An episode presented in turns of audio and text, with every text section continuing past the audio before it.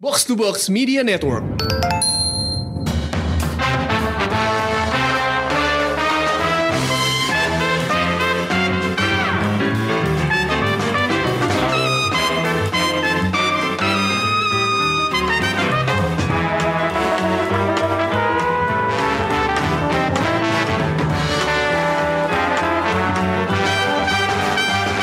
Halo, selamat datang di Showbox Podcast dengan gue Lisa. Gua Angga. Halo, saya Randi. Yeah. Randy Retropus. Iya iya iya akhirnya Kita gangguin lagi. anak retropus nih. Ayo ikut rekaman. Terakhir lo eh, jadi review kita pas ini ya Gundala ya kalau nggak salah ya. Gundala, Iya, Gundala. Gundala. Gundala, iya. Jadi sekarang kita bakal eh, mereview dua film, satu horor, satu eh, horor tanda kutip. Kalau kata anak-anak cowok sih, kalau kata gue sih biasa aja. Gue buat gue drama sih itu nggak horor. Iya kan, bukan kan, bukan horor. Eh, ada Ratu Ilmu Hitam dan juga Love for Sale. eh, For Sale 2 Love for Sale 2 oh ya. Eh, ini semoga kita mau ada non spoiler nggak sih? Apa mau langsung? Langsung aja lah. spoiler? Langsung aja udah udah. pada nonton kan ya orang-orang ya? Itu berapa hari kan? Udah, Udah mau dua iya. minggu berarti kan? Iya. Udah- Kalau udah- For Sale udah udah dua minggu. Iya. gue. Oke, jadi kita langsung bahas ini yang pertama Ratu Ilmu Hitam dulu ya, karena kayaknya lumayan apa tuh banyak yang minta gitu di ini di medsos. Eh, jadi Ratu Ilmu Hitam ini kan ceritanya sebenarnya remake dari filmnya Susana tahun 81. Mm-mm. Eh, dulu tuh filmnya kan masih apa ya enggak masih agak-agak lucu gitu Ya. kalau ditonton ya. Pokoknya cult lah cult ya. Nggak banyak CGI udah nggak ada CGI semuanya make upnya eh, semua adegan sadisnya pakai make up dan tapi itu lumayan serem sih ya walaupun pakai make up doang ya. Membekas loh waktu kecil tuh nontonnya. gue sih lebih karena geli sih kalau ngeliat Oh, geli. karena kan binatang melata di mana-mana gitu kan itu yang bikin gue agak-agak eh gitu jadi lebih karena itunya sebenarnya tapi Eh. kalau kalau serem sih sebenarnya lebih banyak lebih banyak film Susana yang lain yang lebih serem menurut gue Mm, mm.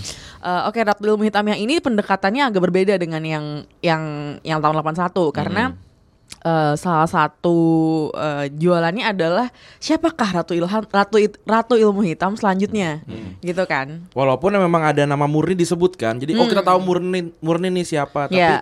kita nggak pernah tahu bisa jadi Nadia atau Murni kah atau siapakah Murni gitu loh itu. Hmm, tuh. jadi emang terus dari marketingnya pun memang dibuatnya emang dari sekian banyak tokoh perempuan yang ada di film ini siapa sih Murni ini gitu kan? Eh, dan itu namanya banyak banget kayak Iya. literally ada Hana Al Rashid, ada Zara JKT48, ada Salvita. Imelda ya, ada Imelda Terin, ada Salvita De Dekorte, ada juga mm, Sheila Dara gitu kan. Hmm. Jadi eh, jadi kita tuh kayak apakah orang-orang ini punya nama lain yang yang sebenarnya punya masa lalu masa lalu. Jadi itu nebak-nebak sebenarnya. Hmm. Nebak-nebak. Eh, tapi mungkin gue tanya dari Rani dulu Ran. Hmm. Gimana Ran menurut lo Ratu Ilmu Hitam?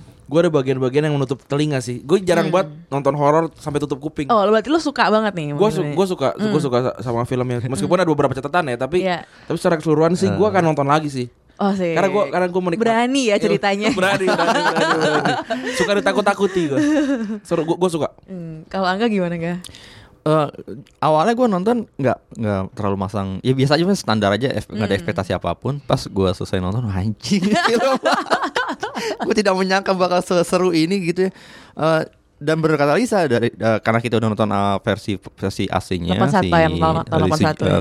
karya Lee Sujio Eh, dan karakter itu kan ikonik banget dan eh, Susana sebagai Murni. Dan di film ini Murni udah disebut dari awal-awal. Di film Ratu Ilmu Hitam yang baru karakter Murni udah disebut di awal kan. Dan emang gue bertanya-tanya siapakah yang menjadi Murni gue Iya, sempat uh-uh. menduga jangan-jangan Nadia si Uh-uh. Hana Aras- Ar- Hana Arasid karena Iya. di, ada satu di satu adegan Pak Bandi pas Uh-uh. lagi udah terbaring sakit dia Iya. sempat melotot kan ke mu- ke Murni eh Iya. kamu Murni ke Nadia kan Nadia. Ya, yang itu Nadia kali ya Hmm. ya kayak gitu sih Eh, banyak bertanya-tanya banyak eh eh, apa namanya eh, pengen penasaran selama nonton di awal bakal seperti apa adegan-adegan sadisnya yang keluar gitu Hmm. kan Wah ternyata ya pol-polan ya Eh, luar biasa Kimo Istanbul Lu gimana Lis? Gue kan nonton di press screening ya. Terus kan lo lo jadinya nontonnya gala nonton tuh. malamnya. Gala kan, terus gue Mm-mm. kayak aduh gak ada temen nih. Karena selain lo juga ada beberapa orang yang ternyata aduh gue gala aja deh gitu. Karena Oh. eh, nggak bisa nonton pas eh, s- eh, siangnya gitu. Hmm. Gue kayak oke fine. gue nonton sendiri nih film Han. Karena kalau yang perempuan tanah jahanam, gue banyak tuh rombongan. Jadi support moral supportnya ada. Oh, ini sendiri ya? baik. Kita agak sebelah gue kosong nih kursi gue yang kayak. em, jadi ngerungkel-rungkel sih nontonnya gitu. Iya, jadi yang sama, kayak, sama. jadi kelar nonton itu langsung masam angga. Nggak sumpah serem banget. Nonton tuh gak nyaman ya. Sepanjang film gak nyaman Iya. Kayak ya. bener-bener nggak ada comfortnya sama Iya. sekali kan gitu. Gue suka banget dari awal tuh gue sudah sangat menikmati chemistry di apa keluarga eh, keluarganya Hana sama Aryo Bayu ya, Hanif sama Nadia. Nadia. Eh, maksud gue jadinya tuh relasi- relationship-nya tuh kayak jelas gitu loh. Hmm, mereka hmm. deket, mereka maksudnya saling saling sayang apa segala Hmm. macam kayak it's an ide- ideal family. Harmonis ya. Eh, tapi memang ketika seiring waktu berjalan tuh kan kita kan sebenarnya nonton ini dengan mindset siapa sih murni eh, Hmm. murninya yang mana sih gitu Aha. atau ratu ilmu Rat- ratu ilmu hitamnya siapa sih apakah Hmm. Hana karena Hana eh, tokoh utamanya gitu Eh, tapi kan seiring cerita berjalan sebenarnya yang terlihat mencurigakan tuh justru Aryo Bayu Iya. Iya gak sih Tiga orang itu sih. ngerasa gak sih Ah. ya Dari tiga orang awal itu ya. cuman kelihatan banget dari air mukanya gitu dari ada yang disembunyikan Iya, gitu iya, dan iya, lo iya. lo sadar ketika iya ya dia kan anak yatim piatu nih dari dari an- eh, yayasan yatim piatu gitu Hmm. ya he will have stories yang kita nggak tahu gimana gitu dan masa, masa kecilnya seperti apa juga kita nggak tahu Hmm. dan gue sangat suka itu kan sebenarnya kayak misteri juga kan jadi Hmm. selain misterinya siapakah ratu ilmu hitamnya tapi juga sebenarnya lo jadi kayak Hmm, kayak these men tiga orang ini nih Tanta Ginting, eh, Miller Han sama Aryo Bayu, eh, Hanif, Anton sama Jeffrey ya. There's something about them yang membuat lo bertanya-tanya gitu. Eh, cuma kan mereka kan kayak gaya-gaya apa ya body language-nya tuh sangat oh santai aja Iya, apa kayak we got this kayak very eh, apa ya macho gitu lah kayak ayo eh, bisa lagi nih.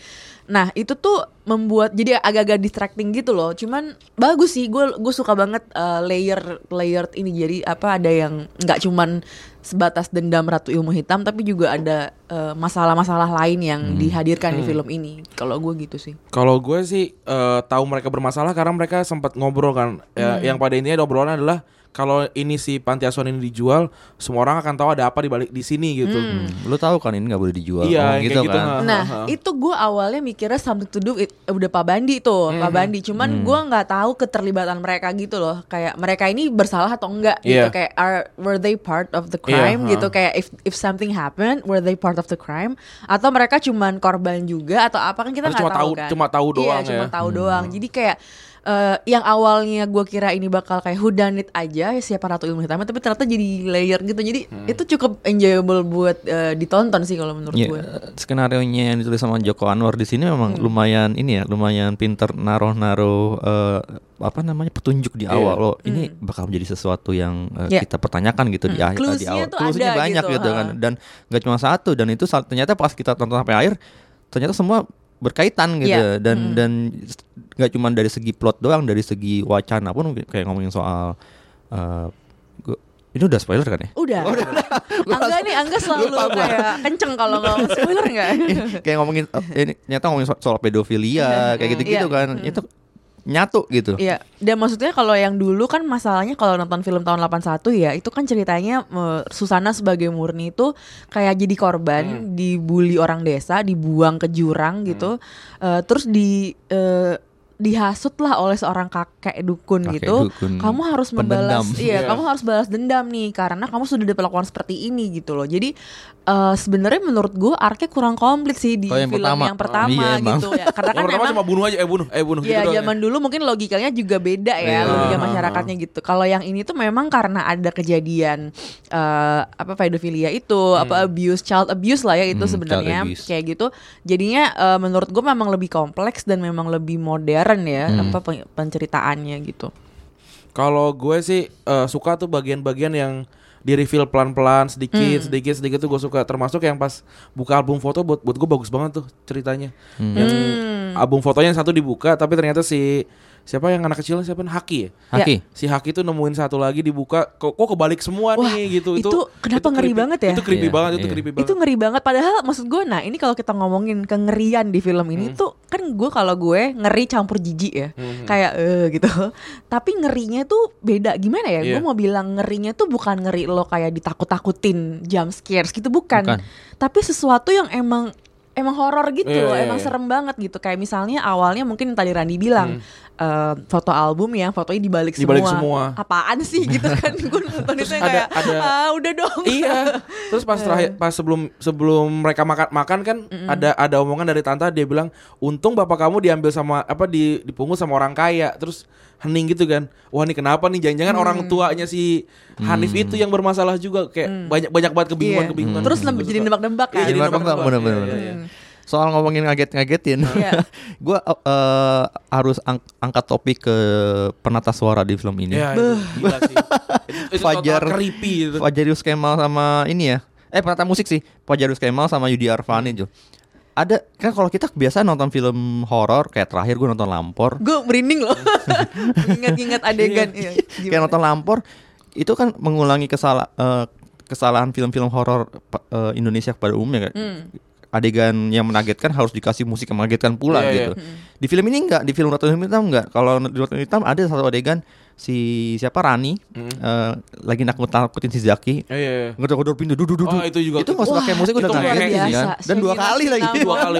itu gue udah kedua kali kaget loh men Dan mukanya eh, Shen- Shenina Cinnamon yang memerankan Rani itu iya, bener-bener iya, iya. kayak bener-bener nakutin Iya, gitu. nakutin. Padahal kan dia cantik Antara ya maksud dia gue. pengen nakutin dan emang Iya. emang nakutin Iya dan lo tuh kayak lagi gimana ya lo kayak lagi bertukar cerita horor sama temen lo dan dia tuh bener-bener memeragakannya dengan bagus Iya. mereka tuh kayak Nah, gitu iya. kan dan lo kalau ngelihat di adegan itu mukanya Muzaki tuh bener-bener kayak Bener-bener takut, ketakutan iya, gitu takut. gue yang kayak wah ini jago sih dua-duanya anak Iya. maksudnya kayak aktor-aktor ini dua-duanya bener maksudnya chemistry-nya bagus dan mereka bisa mentransfer ketakutan itu ke penonton Iya, gitu Iya. secara acting semuanya Oke. oke ya oke ya. oke Dan- sesuai porsi semua iya. gitu gue suka banget loh adegan gedor-gedor pintu itu itu ngagetin banget gitu. Itu ngehe sih. dan itu banyak juga adegan-adegan lain yang Hmm. eh, serem tapi nggak perlu pakai eh, musik yang menakutkan guys, gitu Let's talk about the Hmm. TV scene. oh iya Ketika Dering ya itu Muzaki- Dering. Nah, itu yang gue suka justru lebih serem daripada dering lah. Orang Iya, udah ada iya, di iya. depan lo Iya. langsung. Dan kan sebelumnya kan dia sempat nonton juga dan dan kepotong tepat di saat eh, keja- ade- adegan itu kan. Iya. Itu tuh itu. Itu Itu seakan-akan itu adalah lanjutannya sih. gitu ya. Iya. Itu itu itu ngeri. Wah, kalau jadi kan kita semua mungkin pernah punya kolektif trauma yang namanya nonton dering versi Iya, Vers- versi Jepang, versi Ringu, Jepang, Ringu, versi iya. bukan Hollywood. Versi Ringu, iya, yang iya. apa Ringu, Ringu, Ringu. yang itu kan.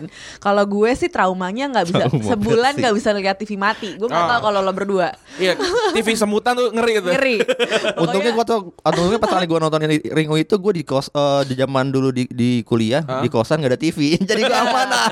Gila, itu gue sebulan gak bisa ngeliat TV mati. Nggak jadi begitu mati. ngeliat adegan itu di Ratu Ilmu Hitam, Eh. gue yang kayak nggak sih, Ya, nggak, diulang nggak bisa, gue nggak bisa nih. Tapi ini lebih serem sih. Lebih serem, lebih serem, That's, that's the lebih serem. thing, that's the thing. Karena kalau misalnya lo dengan, maksudnya dulu kan gue nonton masih umur berapa gitu kan, Ringo. Hmm. Terus sekarang gue nonton yang kayak, ya nggak mungkin lah hantunya keluar. Maksudnya kayak, Iya. Ya, keluar kayak dari secara TV gitu ya. legendnya tuh kayaknya udah apa sih kayak kurang masuk akal gitu ya. Tapi kalau ini kan, nyata enggak ya bisa ada di depan lo kakinya nongol di kolong Iya, gitu. memperlihatkan pelan-pelan lagi kan kaki dulu Iya, iya. Terus yang yang kemarin tadi kan kemarin kita sempat ngobrol ya Ran. ah, ah. Jadi emang kameranya ber- dari kaki ke tengah. Kita kan bakal semua pasti ngira bakal ada di TV Mukanya di TV, Iya, nyata enggak ya? Ternyata Ya, gue udah, udah nonton dua kali, dua kali kaget juga sih. Tetap, ya. Itu itu itu bagian paling keren tuh. dan itu bagian paling creepy sih, paling creepy. paling ngeri buat gua paling kayak Tapi gitu. si si Muzaki cuma kayak gitu, kabur aja udah tutup kunci pintu ya. Iya.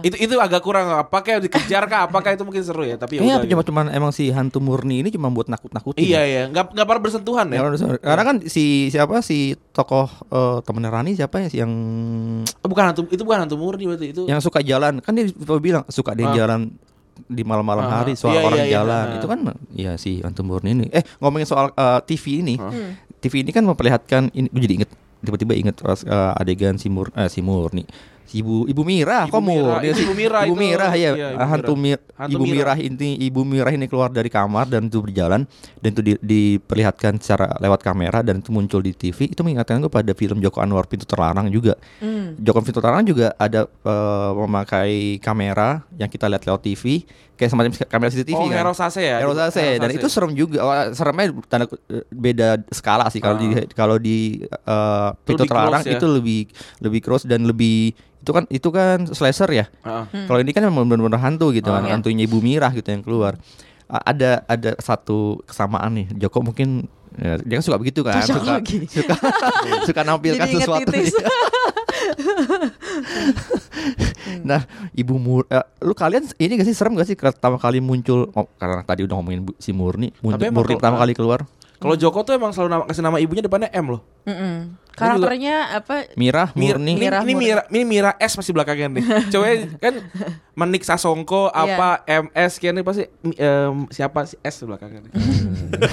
Tebak-tebakan. Tebak-tebakan, cocokologi. Iya, Apa tadi apa? Tadi gimana kalau eh, kemunculan pertama kali Murni di layar? Gua, eh, gua tadi kita sempat diskusi sebelumnya. Gua gua lupa nih eh, apa namanya eh, kemunculan pertamanya yang mana. Tapi yang gue inget adalah yang dia nyamperin terus apa sih namanya orang-orang orang-orang udah pada kaget terus si Di depan rumah. Nadia ya di depan rumah Nadia udah mau pakai celurit itu sih terus di belakang dipukul pakai eh, balok ya balok jebret dah itu itu Batu itu bata. bata Ya, ya batu bata. kemunculan pertamanya gue inget yang itu Eh ngomong-ngomong soal celurit dengerin ya episode In Frame Showbox bareng Hana Al Rashid Oh, itu seru. Oh, iya, iya, iya. oh enggak kemunculan pertama di ini di sawah ya Oh iya, tapi itu kan kayak semacam cuma iya, glimpse doang ya glimpse doang. yang cuma glimpse doang ya ya ya, ya, ya. Cuma gue merobel ketika melihat Murni pertama kali keluar secara eh, kita baru melihat tampilannya secara fisik itu yang di taman dan dia terbang gitu kan. Ingat ya semua film-film 8 horor 80 Iya. Indonesia kayak gitu Mandatory kan. itu. Mandatory. Sampai, Mandatory. sampai Hereditary aja ngikutin itu kan. Paimon ya gue sebenarnya seneng banget mereka tetap mengkip elemen-elemen yang terbang, Aha. Iya. terus kepala putus gitu kan itu bener-bener kayak eh, mungkin ya. mungkin ter- terlihat eh, silly ya karena waktu gue screening pun banyak yang ketawa ketika kepala putusnya terus disambung lagi gitu. Itu gua- Tapi menurut gue iya. itu ketawa-ketawa gak nyaman itu pas itu iya kali. ya. Iya nggak tapi kan memang itu adegannya eh, ya itu kan kalau nggak seremnya tuh beda gitu. Bukan serem yang nakutin yang Iya, ini iya. kan. Lebih kayak eh apaan sih? gitu. Eh, tapi gue seneng banget itu ada. Karena memang ya kalau emang maksudnya kalau mau bikin tri, eh, homage ke yang dulunya ya sebenarnya kayak gitu Iya, aja sih. iya, tanpa adegan-adegan perlu ya. maksudnya tanpa perlu lo mirip-mirip kayak Susana gitu. Hmm. jadi kayak penampilannya dimirip-miripin pakai segala macam make up gitu. Iya. mendingan lo bikin cerita yang pure sama sekali baru gitu. Tapi lo cuma nyamain misalnya motifnya Iya. dendam atau apa eh, sama mungkin elemen-elemen yang kayak gitu sih yang bikin kita jadi kangen dan dan jadi benang merahnya ya jadinya ya yang kayak gitu-gitunya Hmm. adegan-adegan yang kayak gitu. Ngomongin soal tadi eh, benang benang merah sama dendam eh, karena kita, gue ya kita semua udah nonton film film aslinya tahun 81 itu dan film aslinya kalau dipikir-pikir kan kalau gue, nonton lagi kemarin eh, di YouTube nonton. Terus tapi gue inget jadi jadi mikir anjir ya film film yang lama memang secara skenario nggak bagus gitu ya. Tapi secara konten dia powerful dalam artian dia berani loh mengkritik eh, negara waktu itu ada satu adegan si Pak Ba- eh, si siapa dukunnya itu memanas mengompor-ngompori si Murni untuk bilang untuk ngomong gini kamu nggak mau sekalian bunuh eh, kamu harus bunuh Pak Lurah karena dia yang udah membiarkan rakyatnya melukai kamu padahal dia punya kekuasaan gitu. Gila tahun segitu gitu kan. Terus Ya, ngomong justru tahun-tahun kayak gitu kesadaran sosial tuh lagi tajem-tajemnya Iya, karena hidup tuh nggak nyaman. Nah, hal kayak gitu, hal kritis kayak gitu yang muncul di film ini dan ngomongin soal agama juga kan karena Iya. di, di, desa di, di desa di film atau yang pertama itu agama udah nggak ada gitu. Dan kita tahu kita tahu tahun 80-an itu eh, pemerintah Soeharto pun lagi ini kan lagi anti sama agama Islam anti, anti sama Islam politik kan dan gue nonton film Ratu Ilman yang kedua ini gue eh, sempet bertanya-tanya eh, kira-kira akan keluar seperti apa kayak relevansi sosialnya gitu Hmm. yang dari muncul dari skenario dan dari filmnya. Ternyata tetap ada gitu ngomongin soal child abuse kayak tadi kan masih relevan kan di dunia sekarang. Menarik makanya film ini lumayan menarik di- dibandingin sejumlah film horor belakangan ini gitu kan. Hmm. gitu. Randy ada Eh, catatan lagi lu nggak mau ngomongin adegan lo itu? geli nggak? Tunggu gue mau ngomongin neraka. adegan binatang dulu boleh gak oh iya kelabang. Gua gua sih gua gak takut binatang ya jadi Oh, lu nggak takut lu? gua gak takut. Jadi itu yang Kelabang itu nggak yang takut? kejatuhan kelabang itu gue pernah kejadian beneran gitu. Itu ada di tra- trailer kan ya? Jadi iya udah, kan udah gue gak pernah nonton trailer oh iya. Oh lu nggak nonton ya? Oh, itu udah. Gue nonton sekilas gitu kan terus kayak enggak sih enggak enggak karena gue pernah ngalamin kayak gitu. Kelabang Kelabang. iya lagi tidur. Ih. terus ada di leher gue Jadi Di ketika mana? di rumah. gue ti- eh, iya di rumah. Serem Gua- banget. Gua suka Untung gak digigit. Gue gue suka cara Digigit ya? Oh, digigit. Terus kena gitu gue sampai ke dokter kulit. Astaga. Gua- Makanya gua gue nonton film itu caranya gua ini ngeri gitu. caranya Kimo itu menyiksa mereka dengan fobia masing-masing Exactly. Nah. Kalau ngomongin rasa takut, Ah. takutnya itu macam-macam. Iya. Takutnya ada yang ada ada yang takut gendut kan Iya. si siapa namanya Savita Dewa- Iya. eh, Si Sal ini. Siapa Sal, sih? Sal. Lina. Panggil- Lina, Lina, Lina, Lina, Lina. Lina. namanya. Ya. Lina itu itu juga gue suka banget tuh yang dia motong motong perut dan motong Iya. leher tuh anjing tuh keren Terus banget sih. visualisasinya ketika dia lagi motong dagunya Aha. misalnya gitu ya kan double chin gitu kan. Itu kan awalnya terlihat baik-baik saja kan. Aha. Kok itu gimana caranya ya? Emang Terus bener ya merah-merah kayak. Terus ternyata reveal lah adegan yang Adegan benernya tuh lah udah kesa udah kesayat-sayat kayak gitu. terus yang cuci tangan terus Ya, Si- Imelda Darin si sebagai Eva kayak selalu pakai apa sih? hip- Antiseptik. antiseptik. antis Antis. Merek ya? merek itu gue suka tuh Ah, iya. tapi ta- cara mati paling lu suka siapa hmm, Cara mati paling kalau morbid banget sih nanya. eh Pak tapi Bandi. yang mat yang Oh ma- Bandi ya? Pak Bandi. yang mati paling itu cuma dua ya cuma tiga Tanta men Tanta Pak Bandi yang mati Tante kasihan dia kan maksudnya Mencolat Mencuat Mencuat. Tanta Bandi itu apa lagi yang mati Eh, Harusnya murni mati Murni ya Murni Cie. mati Harusnya apakah? Apakah? tapi dia kayaknya mau jemput anaknya pulang sekolah iya Jemput Rani ya udah udah nongol ya, udah Iya. udah terlihat gitu. Eh, Pak Bandi sih karena memang gue suka banget bagaimana. Jadi gini, kemarin waktu di episode eh, In Frame. Itu Hmm. gue bilang kan, gue suka kenapa? Karena eh, film ini karena dia korban perspektif korban tuh sangat diangkat. Hmm. Kalau di film yang dulunya kan emang koharnya sebagai antagonis tuh porsinya banyak kebanyakan menurut gue Iya, kayak nggak nggak penting sih lo kasih panggung ke orang kayak gini. Cuma kan Tapi, zaman dulu iya. beda logikanya. Kalau di sini kan Pak Bandinya bahkan ngomong aja enggak. Iya. Ya kan? Dia cuman kayak melotot apa pokoknya bereaksi lah gitu ya Eh, terus mati pula kan Iya. jadi kayak menurut gue he deserve it jadi Emak kayak. Iya. tapi Pak, Pak Bandi tuh nggak nggak hitam secara keseluruhan gitu. Dia dia, dia masih punya sisi putihnya gitu. Dia dia ngurusin itu anak-anak segala macam. Tapi kok kalau Kohar kan emang udah hitam aja. Udah kita kita nggak punya simpati gitu. Nah di film ini tuh gue simpati gue berpindah-pindah gitu loh. Pertama gue bersimpati Iya, dengan iya. keluarga eh, si Hanif. Hanif. Terus pindah gue ke Pak Bandi yang sakit. Terus pas eh, reveal apa Siti itu Wah anjir Siti kasihan juga ya. Terus digebuk, digebuk lagi si Maman. Itu gue pindah lagi Terus pas si Murni cerita kalau Apa namanya dia dia adalah korban juga Gue malah ya dulu pada mati aja semua lah gak apa-apa lah gitu. Gue sih gitu. Gue suka eh, caranya. Kalau kita mau ngomongin plot hole ada nggak ya di film Ratu Ilmu Hitam? Ah, Ada itu. Menemukan nih Randy Gue kemarin baru nonton Jadi baru baru ini banget nih. Ini Randy fresh. F- Fresh banget. Jadi eh gue eh mau Easter, mau Easter eggs dulu nggak Easter egg itu ada plat nomor tuh Aduh. B16 BLS Itu mobilnya siapa? Mobilnya si Hanif Anjir mobil Hanif tuh. Terus eh, apa namanya kan ada ada adegan ketika mereka mau ke dokter kan, Iya. karena si Eva dan si Linanya itu kan eh, cedera. ini yang kan. nyetir Ha- Nadia Nadia Ya. terus lagi ngebut Oh, ngebut gitu yang terus muter-muter itu Eh, ya. Hmm. Kan mereka lewat eh, kilometer 81 81. Iya, sampai dua kali Sampai lewatnya dua kali, eh. karena kan kayak wah kita diputer-puter nih gitu Iya, terus apa namanya pas kedua kalinya eh, kita di sini terus nih, kita muter-muter terus. Terus kata si siapa kata si Jeffrey, ini ini keulang lagi nih gitu kan. Terus era diceritakan lah kalau mereka itu sempat lari waktu itu kan Waktu kebakaran, kecil. nah, Hmm. kebakaran dan mereka gimana pun mereka lari tetap balik ke si eh, apa namanya pan- Pantinya. pantinya itu. Nah, terus kan itu kan kita muter 81 81 kan. Kalau kita ingat tadi Tanta Ginting atau si siapa namanya Anton itu eh, naruh mobil di situ Parkir kan. situ. Dan itu nggak ada. Ada. Tapi kalau tapi Iya, tapi tapi si bisnya itu ada gitu. Ini diambil sama Murni dia pengen mobil Iya kayaknya BMW lagi kan itu kalau nggak salah apa Mercy ya. Oh dia balik ke rumah naik mobil kali. Iya. Iya benar benar benar ini kayaknya gitu sih. Apalagi ada ada plot hole lagi. Eh, kalau Apa ya? Gue sih itu sih itu itu itu paling paling paling membingungkan sih. Eh ngomongin Karena- soal plat nomor, gue jadi inget plat nomor di film Rumah Darah juga ada loh, daging kan? Lu inget? Iya iya iya daging. Oh, yang yang iya. ngambil yang ngambil Yang ngambil dagingnya. daging kan dari Iya, pelanggannya. iya. Kalau gue mungkin bukan plot hole tapi gua- eh, menurut kalian peran utamanya Hana apa Aryo? Gue Hana, Gue rasa Hana sih. Gue rasa Oke, Hana. Sepakat kalau gitu. karena ternyata Hana yang gross terakhir kan. Tapi ada yang aneh juga sih. Iya. Ketika Apa-apa? Pak Bandi motret anak-anak itu, kenapa dia harus ada terus? Kan itu kan bisa aja lu ny- nyari angle lah. Kan lu kan berarti kan nyetak nih gitu. Wah, ada gua lagi kelihatan kan Kelihatan dong gue gitu. Iya gitu. Kenapa nggak nyari angle lain supaya dia nggak ketahuan kalau itu Pak Bandi? Kalau gue sih gitu sih. Hmm, Mungkin itu cara reveal ininya kali Iya, ya kalau iya, dia itu iya. penjahatnya. Gue lebih suka reveal kayak gitu sih dibanding ke- kesurupan terus Iya. ketahuan semua dalam Dalam waktu 15 menit.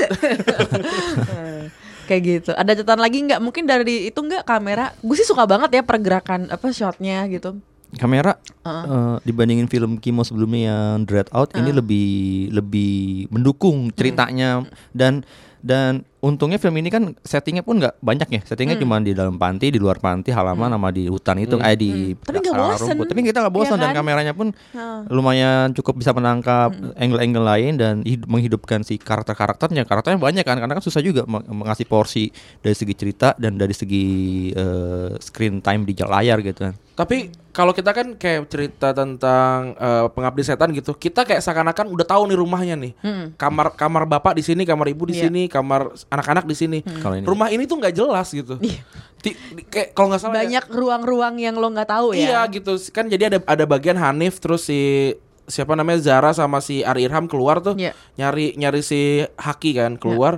Terus tiba-tiba mereka ada ada di di lorong gitu. Tadi kita di sini nih. Kan ada dari luar kalau ada di sini? Nah itu juga bingung tuh. Saking besarnya rumahnya. Mungkin ya mungkin ya. Logika pergerakannya jadi agak Ya- sulit ya. jadi agak sulit. Karena karena memang nggak pernah dijelaskan sih nggak pernah dijelaskan gitu. Iya, tapi menurut gue tuh nggak terlalu mengganggu sih soal it- soal maksudnya eh, itu malah menambah misteri. Maksudnya jadi lab- lebih asik sih. Nggak tahu, gue nggak nggak terlalu bermasalah sih kalau itu. kameranya ketika eh, dipakai untuk memperlihatkan adegan-adegan yang cukup sadis gitu cukup cukup horor tuh works banget kan kayak Iya. kemunculan ibu Mirah itu keluar Iya. dari kamar lewat TV dan tadi seperti kita udah bahas lalu yang terakhir ketika eh, adegan-adegan rakan-rakan kecil ah. itu muncul kan itu nge- kamera ng- ngikutin si Nadia dan Nadia gimana kita lihat Nadia benar-benar histeris dan ketakutan dan ya segala macam emosi muncul di situ kan. Dan kita bisa lihat mintip gitu kan kamera masuk ke dalam masuk keluar lagi gitu. Pertanyaannya kenapa Nadia yang nggak di nggak disiksa ya? Itu kemarin kita dibahas ya di Iya. in frame ya. Oh ada ya, ada, ada, ada jawabannya ya. Ternyata Dengerin episode in frame. Tapi yang kasihan itu adalah anak yatim yang ditabrak. Kan dia ditabrak jebret, terus dikira wah mati nih gitu kan. Akhirnya keluar terus apa namanya eh, masuk ke rumah, dia disiksa juga loh. Iya, disiram disiram air air panas. Kata gue gue mendingan mati aja lah di, di, di bis gitu sama teman-teman gue. itu tuh kasihan tuh anaknya gitu. Oke, itu kali ya review kita terhadap film Ilmu Hitam ya. Eh, semoga suka. Eh, kita suka banget. Suka. Congrats buat Kimo dan Hana. Makasih juga kemarin udah main ke Showbox, terus eh, udah diwawancara. Terus itu semuanya spoiler. Jadi, Jadi- buat yang mau dengerin in frame semuanya harus nonton dulu. Ya, sebaiknya nonton dulu Hmm. Oke, kita lanjut ke film berikutnya, film Love Love for Sale 2. Kalau kawin dong, biar tentrum suasana. Dari Love Inc, bagaimana Mas? Apakah pesanannya sudah sesuai dengan yang tertera di aplikasi? Kalau bisa yang cantik. Oke, itu dia tadi trailer dari film Love for Sale 2. Ini film sequel eh, masih dari Andi Bahtiar Yusuf dari gengnya Visinema Pictures. geng visi itu Dia lagi dia lagi ya. Eh, iya. juga. Bro gitu ya. Oke, ini filmnya sekarang setelah kemarin eh, Richard diperankan oleh sangat baik oleh Gading Gading, Martin. mm-mm. Kali ini kita ke tokoh dari Minang. Eh, ada Ican, Adipati Dolken, anak kedua yang eh, belum kawin-kawin juga di usia 32, eh, sibuk kerja. Tapi kayaknya menurut gue dia nggak susah dapet cewek ya. hmm. nggak malas aja kayaknya Iya, kan. di- Emang males aja di gitu. meja depan aja ada cewek-cewek yang siap ya. Iya, gitu. Nah ini tuh Ichen tuh eh, anak kedua dari tiga bersaudara. eh, kakak adiknya udah nikah. Hmm. Kakak adiknya udah nikah dan ibunya, ibu Rosmaida yang diperankan oleh Ratna Riantiarno. Eh, memohon-mohon lah supaya aduh udah kamu cepetan nikah deh biar ibu tenang. Eh, typical Indonesian mom sebenarnya kayak gitu. Eh, cuman dia nggak mau si Ican ini dan dia akhirnya menggunakan jasa Love Inc eh, terus mencari ada website eh, misterius itu ya. website yang bisa mempekerjakan orang-orang sesuai untuk memenuhi fantasi mereka sebenarnya kan. Eh, atau kebutuhan nggak tahu deh terserah mau kebutuhan fantasi gitu Eh, sampai kita melihat lagi berjumpa lagi dengan tokoh Arini kali ini bukan Arini Kusuma namanya Hari ini Chaniago. Hari Arini Can I Go gue mau nanya dulu ke Angga menurut lo gimana nggak film Love for Sale 2 ini Itu sebenarnya untuk ngomongin Love for Sale 2 harus ngomongin Love for ini Sale banyak banget pertama nih yang kan. minta Love for Sale ke Showbox ya banyak kita banget mention mention ya. Tapi emang eh, gue nonton Love for Sale pertama dulu ya, pas waktu Iya. itu nonton yang pertama, Hmm. gue suka. Cuma entah kenapa gue mikir gini, pas gue gue bilang gue merasa gue suka, gue merasa, aduh tapi kayaknya banyak perempuan di luar sana banyak yang pasti nggak suka juga gitu kan. Dan itu kejadian langsung. Jadi pas gak lama setelah itu gue nonton Force yang pertama gue mention eh gue nge-tweet gitu atau gue Lo nge-tweet apa, inget kayaknya lupa. Tapi ngomongin soal gue ya gue mengapresiasi film Love Force Ya. pertama lah. Terus gak lama dibalas mention sama temen gue eh seorang perempuan dosen perempuan juga gitu dan dan dia orang, orang feminis feminis lah. Dan dia, dan dia penasaran pengen nonton kan? Nggak lama kemudian no- beberapa hari kemudian dia nonton dia bilang gak gue nggak suka. Wah kejadian bener nih. Ya udah tapi gitu gue sebagai ya gue ngomong sebagai laki-laki aja gitu ya. Yeah. nonton Love Force yang pertama suka. Nonton kedua juga suka. Cuma memang harus gue akuin kalau Love Force yang kedua ini eh, dibanding Love Force yang pertama eh, konfliknya memang nggak nggak sekuat yang pertama gitu kan. Dari segi konflik ya kalau kalau film pertama kan kita konfliknya dari segi eh, konflik batin Richard ya dia udah lama nggak nggak punya pasangan dan dia kedatangan Arini gitu kan dan hidupnya mulai berubah. Lalu ditinggalkan oleh hari ini kalau yang kedua ini ternyata bukan dari sisi sudut pandang si laki-laki tokoh laki-laki tapi ternyata horor eh horornya lagi. Eh, dramanya sendiri muncul dari to- tokoh ibunya karena ibunya meng- me- mengharapkan banget si Ican untuk segera menikah. Ya. di sisi lain eh, adik kakaknya si Ican ini pun punya masalah-masalah sendiri yang membuat kepala ibunya kayak mau pecah gitu kan. Gue tapi gue pada akhirnya gue memutuskan untuk lebih menyukai yang kedua ini. Kenapa karena menurut gue film ini berhasil lebih menangkap eh, dinamika secara keseluruhan baik itu keluarga sama Ya. lingkungan sekitarnya. Itu akan nanti gue akan lebih bahas lebih lanjut. Cuman secara secara eh, general film ini lumayan menghidupkan sebuah komunitas masyarakat yang sama eh, tentang eh, sama tentang selain komunitas masyarakat juga tentang keluarga yang udah lama udah lama kita nggak pernah lihat di layar bioskop sehidup ini gitu. Menurut gue sih itu. Randi? Gue suka ya karena ya gue ngefans sama Della Dartian. bukan rahasia jadi lagi. bias. Gue gue suka gue suka eh, apa namanya gimana caranya eh, Dela, Dela itu eh si siapa? Arini itu. Hari ini apa mengerjakan tugasnya? Karena memang tugasnya kan dikasih dikasihnya adalah eh, untuk nemenin ibu-ibu umur eh, 50 akhir gitu kan? Apa namanya yang yang yang pinter yang harus pinter agama segala macam gitu. Dan jadi jadi memang eh, gua gua nunggu eh, ketika Ican sama si Arini ini untuk untuk apa namanya untuk eh, ngobrol atau untuk apa namanya untuk berhubungan gitu. Kan lama ya setengah jam pertama kan. Hmm.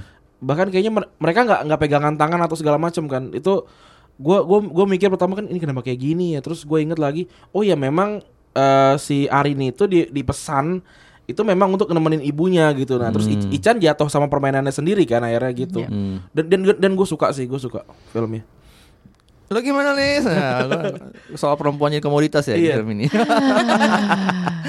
Where do I start? kata Mbak Lisa nih filmnya bro banget nih ini menarik nih. Ini dua dua pandangan berbeda Iya, nih. iya, iya. kalau kita menikmati visualnya gitu ya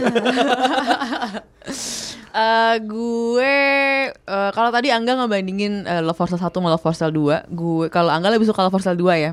Eh, kalau gue lebih suka yang pertama karena menurut gue penggarapan karakter what's his name? Richard. Richard. Eh, penggarapan karakter Richard tuh lebih eh, menyentuh buat gue, lebih relatable juga, lebih drama juga. Eh, dan jelas maksudnya memang di situ fungsinya ada maksudnya gini kan Arani Arini ini kan tokoh perempuan bayaran misalnya gitu kan. Dia bekerja sebagai bekerja di sebuah perusahaan yang menjajakan cinta lah Love Inc. itu. Hmm. Eh, jadi eh, dia akan jadi siapa pun yang lo mau Hmm. gitu. Dan ini emang filmnya serving to men's fantasy uh, in that department gitu. Jadi kayak uh, laki-laki maunya tuh perempuan kayak apa ya itulah Arini jadinya kayak gitu. Yeah. jadi kalau the reason mereka memuja Arini ya itu. Karena memang laki-laki tuh maunya perempuan tuh yang nurut. Sempurna gitu ya. Yang bisa masak terus uh, gue sih ngelihat Arini di Love for Sale 2 Arini jadi pemba nyari pembantu apa nyari menantu sih si Ibu Ratna Ibu- ini? Eh Ibu Ratna Ibu Rosmaida ini. Rosmaida. Rosmaida. salah salah.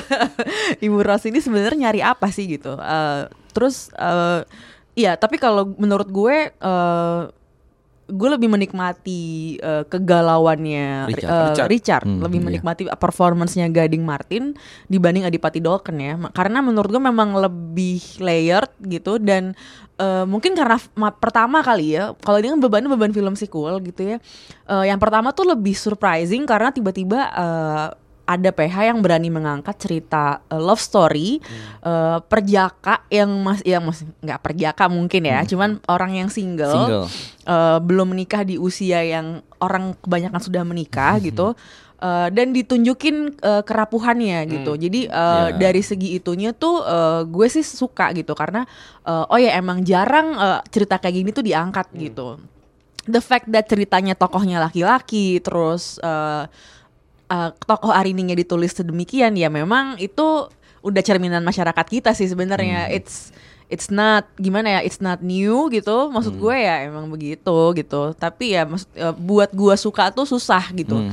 Kayak gitu sih. Jadi ketika tapi gue nggak heran kenapa film ini memenangkan hati banyak orang sampai eh eh dong review Love for Sale 2 gini-gini gitu. Tapi kalau tadi mm, nggak dibandingin sama yang pertama gue lebih suka yang pertama Iya, enggak iya, emang iya kalau dari segi konflik bagusan yang Iya, pertama. heeh. Kalau gue emang tadi lebih jatuh cinta kepada gimana penggambaran itu. ah chemistry keluarganya Warga ya sama karena masyarakat sekitarnya itu. Betul, asik karena banget. kan selain ada Ndoy sama Buncun nih, Hmm. Aryo Wahab sama eh, Bastian Steel, itu ada tokoh Daeng, ada yang di iya, depan iya benar. di depan Romli, eh, Revalu bagus akhirnya ya. Bagus bagus bagus. toko toko jahitan itu yang bener-bener sebenarnya itu sangat menghidupkan ceritanya Iya, ya iya, karena iya. kalau gue eh, cuman mengandalkan Ican doang gue tuh susah Enggak, banget menikmati enggak. film Hmm. ini gitu karena eh, both tokoh ininya Ican dan Arininya tuh sama-sama secara karakter tuh nggak bisa apa ya I'm not rooting for them dua-duanya gitu loh jadinya Iya, sih. jadinya gue lebih oh si Daeng ini ternyata dulu ini spoiler ya Iya. spoiler Eh, ternyata dia dulu suka sama Gus ibu. Ros gitu jadi yang kayak gitu Sampai dia nggak nikah ya? sampai dia nggak nikah dan Gila, dia sangat eh, iya yang kayak gitu-gitu tuh sebenarnya eh, eh, bagus gitu ya Ah. maksudnya dan memang jarang banget ada film yang mengangkat cerita cinta orang-orang di usia yang kayak mid Hmm. mid apa mid middle age kayak gitu-gitu Eh, gitu sih kalau gue Gue ada ada pertanyaan yang masih mengganggu itu adalah pohon-pohon apa yang berani? asli tolong dong Itu jawab apa? tolong jawab ke at Pohon-pohon Showbox apa yang berani? itu nyebelin banget. Udah meninggal. Udah sana lari dulu. Almarhum. Iya, ntar sebelum lu kerja ke rumah gue dulu ya. Oke, meninggal dia. Mari kita ke Visinema mengunjungi scriptwriternya dan Tanya pohon-pohon apa yang berani? beri kami jawaban. eh, tapi tadi eh, kalau kalau Ran- Randy suka Love for Sale pertama lebih karena Arini.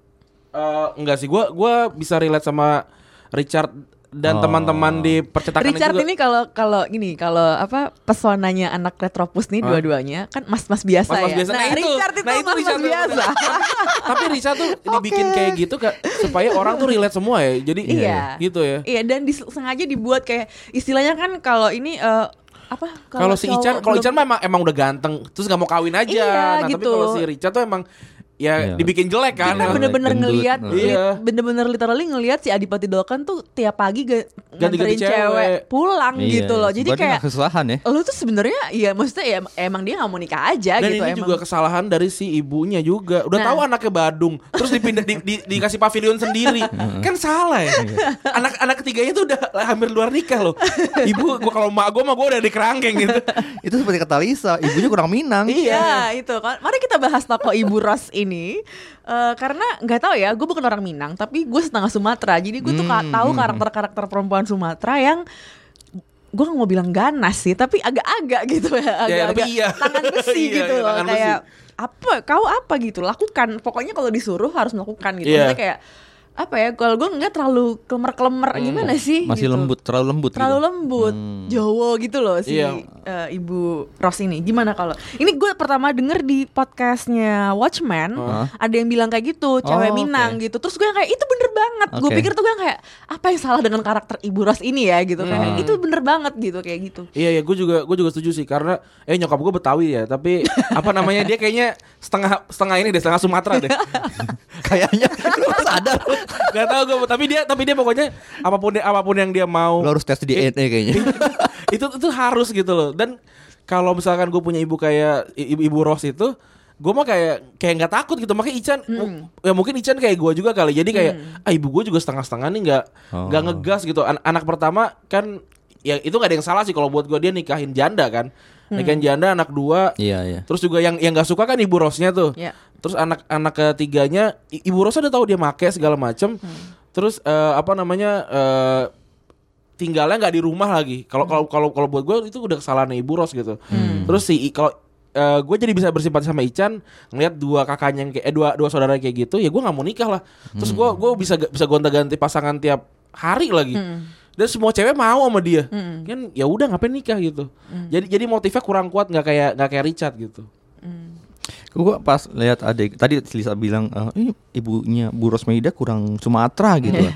kurang keras gitu. Gue langsung inget ada seorang temen gue, eh, semoga dia nggak, gue nggak sebut nama jadi nggak perlu. dia orang Batak, orang Batak, udah umur 33 waktu itu 32 belum nikah nikah gitu kan.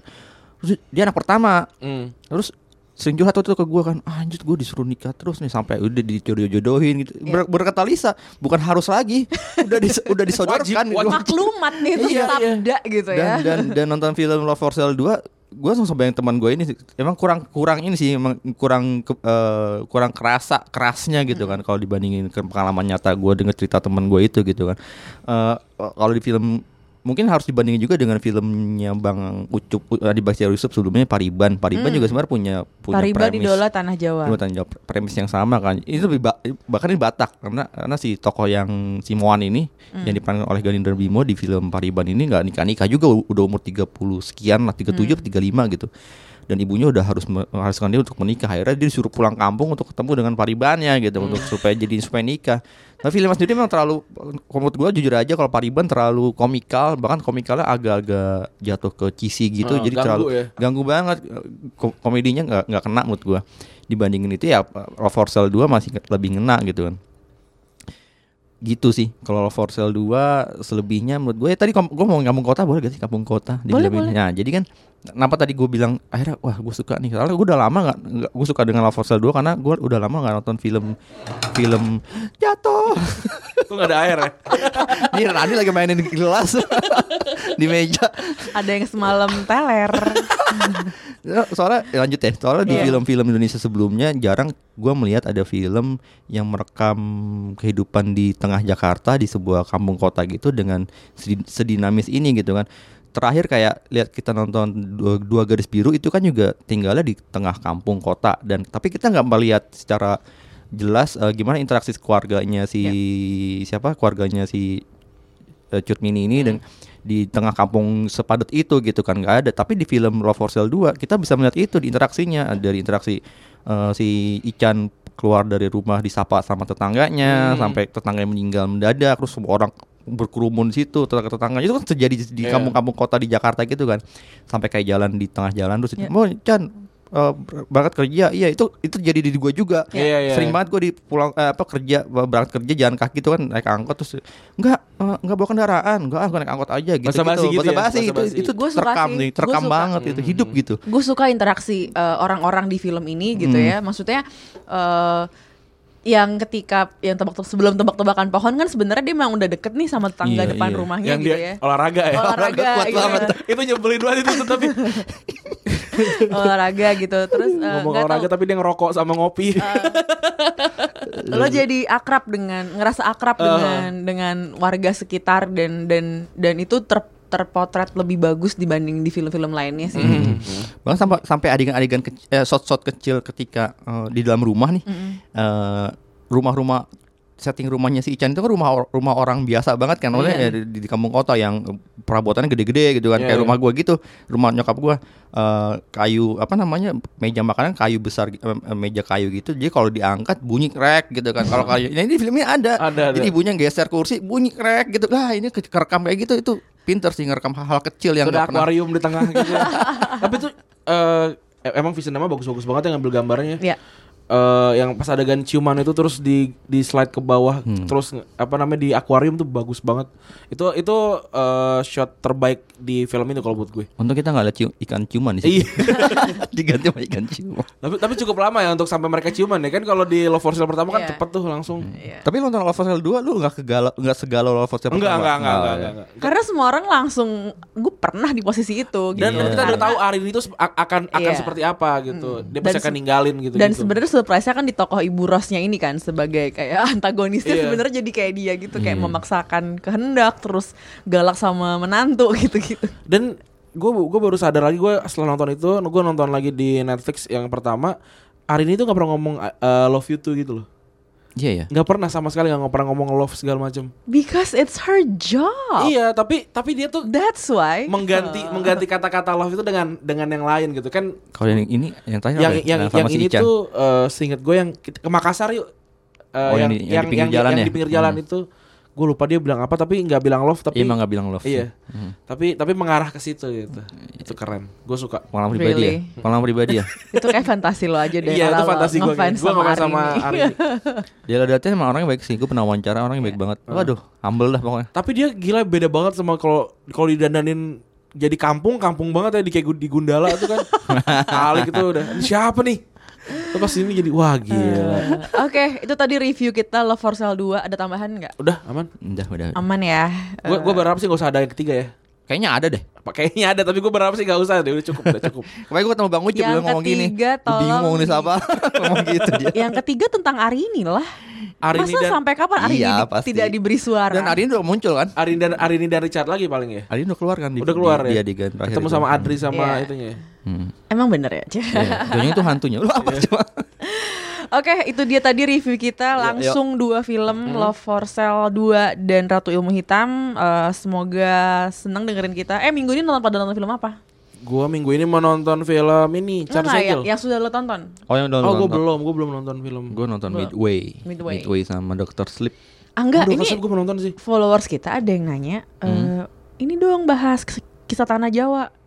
Gue baru selesai tiga episode karena gue nonton harus sendirian. Anakku suka nimbrung gitu, gue nggak boleh. Serem banget. ya. tapi emang serem banget Lumayan lah. Walaupun itu penyakitnya, soundnya suka sound dan musik suka mengganggu. Padahal udah serem gitu.